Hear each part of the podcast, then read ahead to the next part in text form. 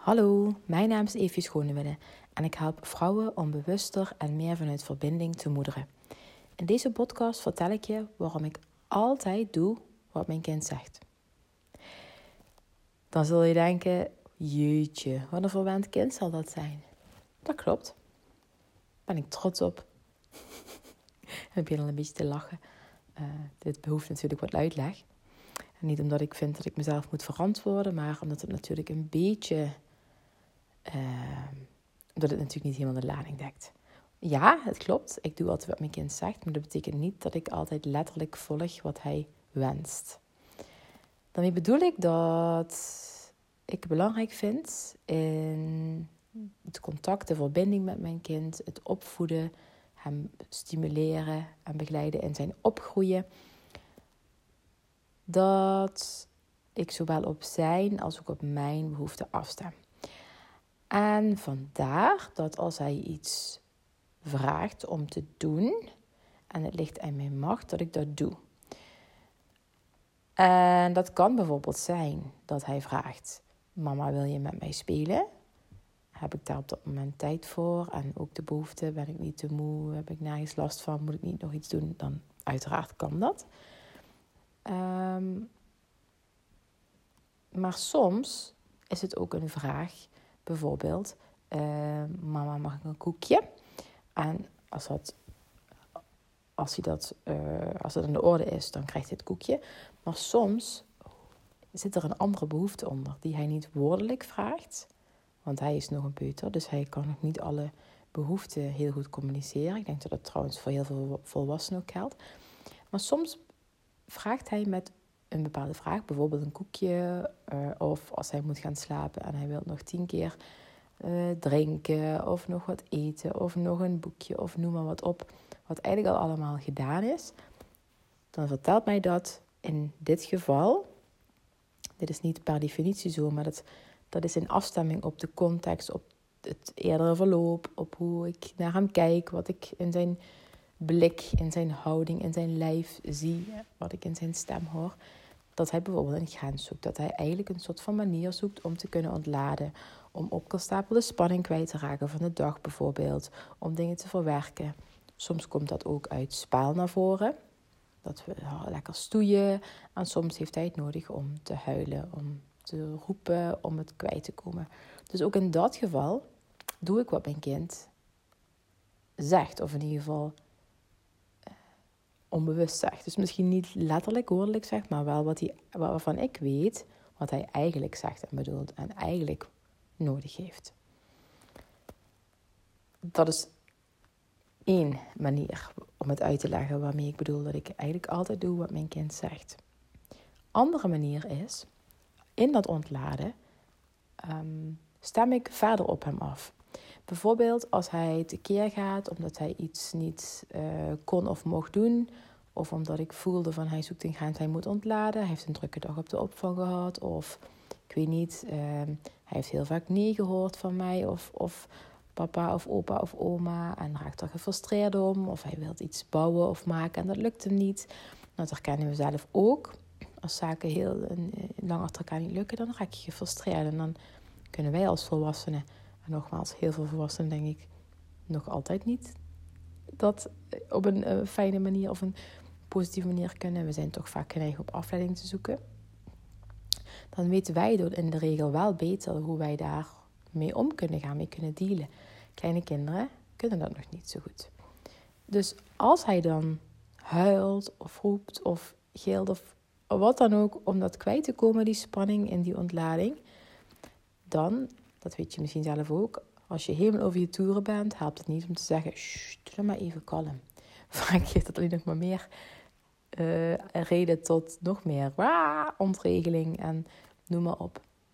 Dus op dat moment heb ik nogmaals heel goed de aandacht op hem, wat hij nodig heeft. Kijk ik naar wat hij zegt of wat hij onbewust zegt, zeg maar non-verbaal. Of wat er onder behoefte verborgen zit, zeg maar. Maar daarnaast kan ik sommige dingen ook letterlijk nemen. Want als hij tegen mij zegt, um, ik ben bijvoorbeeld um, gewend om dan aan hem aan te geven, mama is hier. Ik ben bij je, ik hou evenveel van je, ook als je zo over je toeren bent huil maar. Ik luister naar jouw verdriet. Ehm, ik ben hier bij je. Ik ben er voor je. Dat, dat helpt in die zin dat hij zich gehoord voelt en weet: oké, ik kan het hier kwijt uh, binnen de grenzen. Als hij mij wilt gaan duwen of schoppen of slaan, dan, dan zeg ik ook: ik ben hier, maar ik wil niet dat je laat mij niet door jouw pijn doen. Dus ik ga nu je handjes vasthouden of je tegenhouden of wat dan ook. Dus dan ben ik liefdevol nog steeds daar, maar aan aanwezig, maar begrens ik hem. Op eh, sommige momenten, en dat uh, hangt ook een beetje van zijn dag af hoeveel hij, hij, al heeft moeten verwerken. Dan merkt dat hij eigenlijk dat zijn vaatje vol zit, zijn hoofdje. Dat hij eigenlijk al bij het minst of geringst overprikkeld heeft. Soms hou ik dat niet meteen door. Dan ga ik ook dat riedeltje af en probeer ik hem te zeggen: Ik ben er voor je. Maar dan geeft hij al heel snel aan: mondje dicht, mondje dicht. Ja, heb ik gezegd. En dan zou je kunnen: ja, Ik heb toch gezegd, mondje dicht. Ik wil dat je dat nu doet. En dan kun je enerzijds van denken van nou hallo, dus op zo'n dwingende toon praten we niet. Maar ah, dat heeft op dat moment echt daadwerkelijk helemaal geen nut om het wel rustiger te maken. Dus je bent nog verder van huis. En het andere punt is, in het geval van mijn zoontje, dat het vaak een soort van verwerking nog een keer is in die ontlading van bijvoorbeeld een dag op de opvang, waar er toch vaker wordt gezegd naar de kinderen nu mondjes dicht of eerst jij en dan de ander. En nogmaals, dat is ook heel um, ja, begrijpelijk. Dus ook, ik, het is niet dat ik dat verkeerd vind, maar ik vind het, ondanks dat ik dat zo vind, eh, vind ik het nog steeds ook niet onlogisch dat hij dat dan moet verwerken. Dat dat frustrerend kan zijn voor hem. Dat hij vaak moet wachten of niet kan zeggen wat hij wil. En dat hij zich daar dan kan aanpassen, maar dat dat dan ergens ook eruit moet. Dus daar luister ik dan ook naar. Dan vind ik ook dat ik dat moet respecteren. En ga ik ook mijn mond op dat moment houden. Nogmaals, het enige waarvoor ik het eventueel zou onderbreken is als hij iets doet wat de veiligheid of de gezondheid in het gedrang brengt, bijvoorbeeld mij zou willen duwen of wat dan ook, dan geef ik wel aan, los van dat ik het ook lijfelijk doe. Ik laat mij niet pijn doen of ik ga je nu hier tegenhouden. Ik wil niet dat je mij pijn doet. Ik ga je nu tegenhouden. Maar ook dat kan natuurlijk non-verbaal. Ook het ik ben er voor jou. Dus zonder dat te veel te willen zeggen steeds. Als je merkt dat je kind bijvoorbeeld überhaupt daar nog geprikkelder van raakt. Sommige kinderen hebben dat überhaupt wat meer. Dan kun je ook uitstralen door een blik, maar ook door dat je zelf de intentie heel erg voelt van ik ben hier voor jou. Wat, er ook, wat je ook doet. Dan voelt je kind dat ook.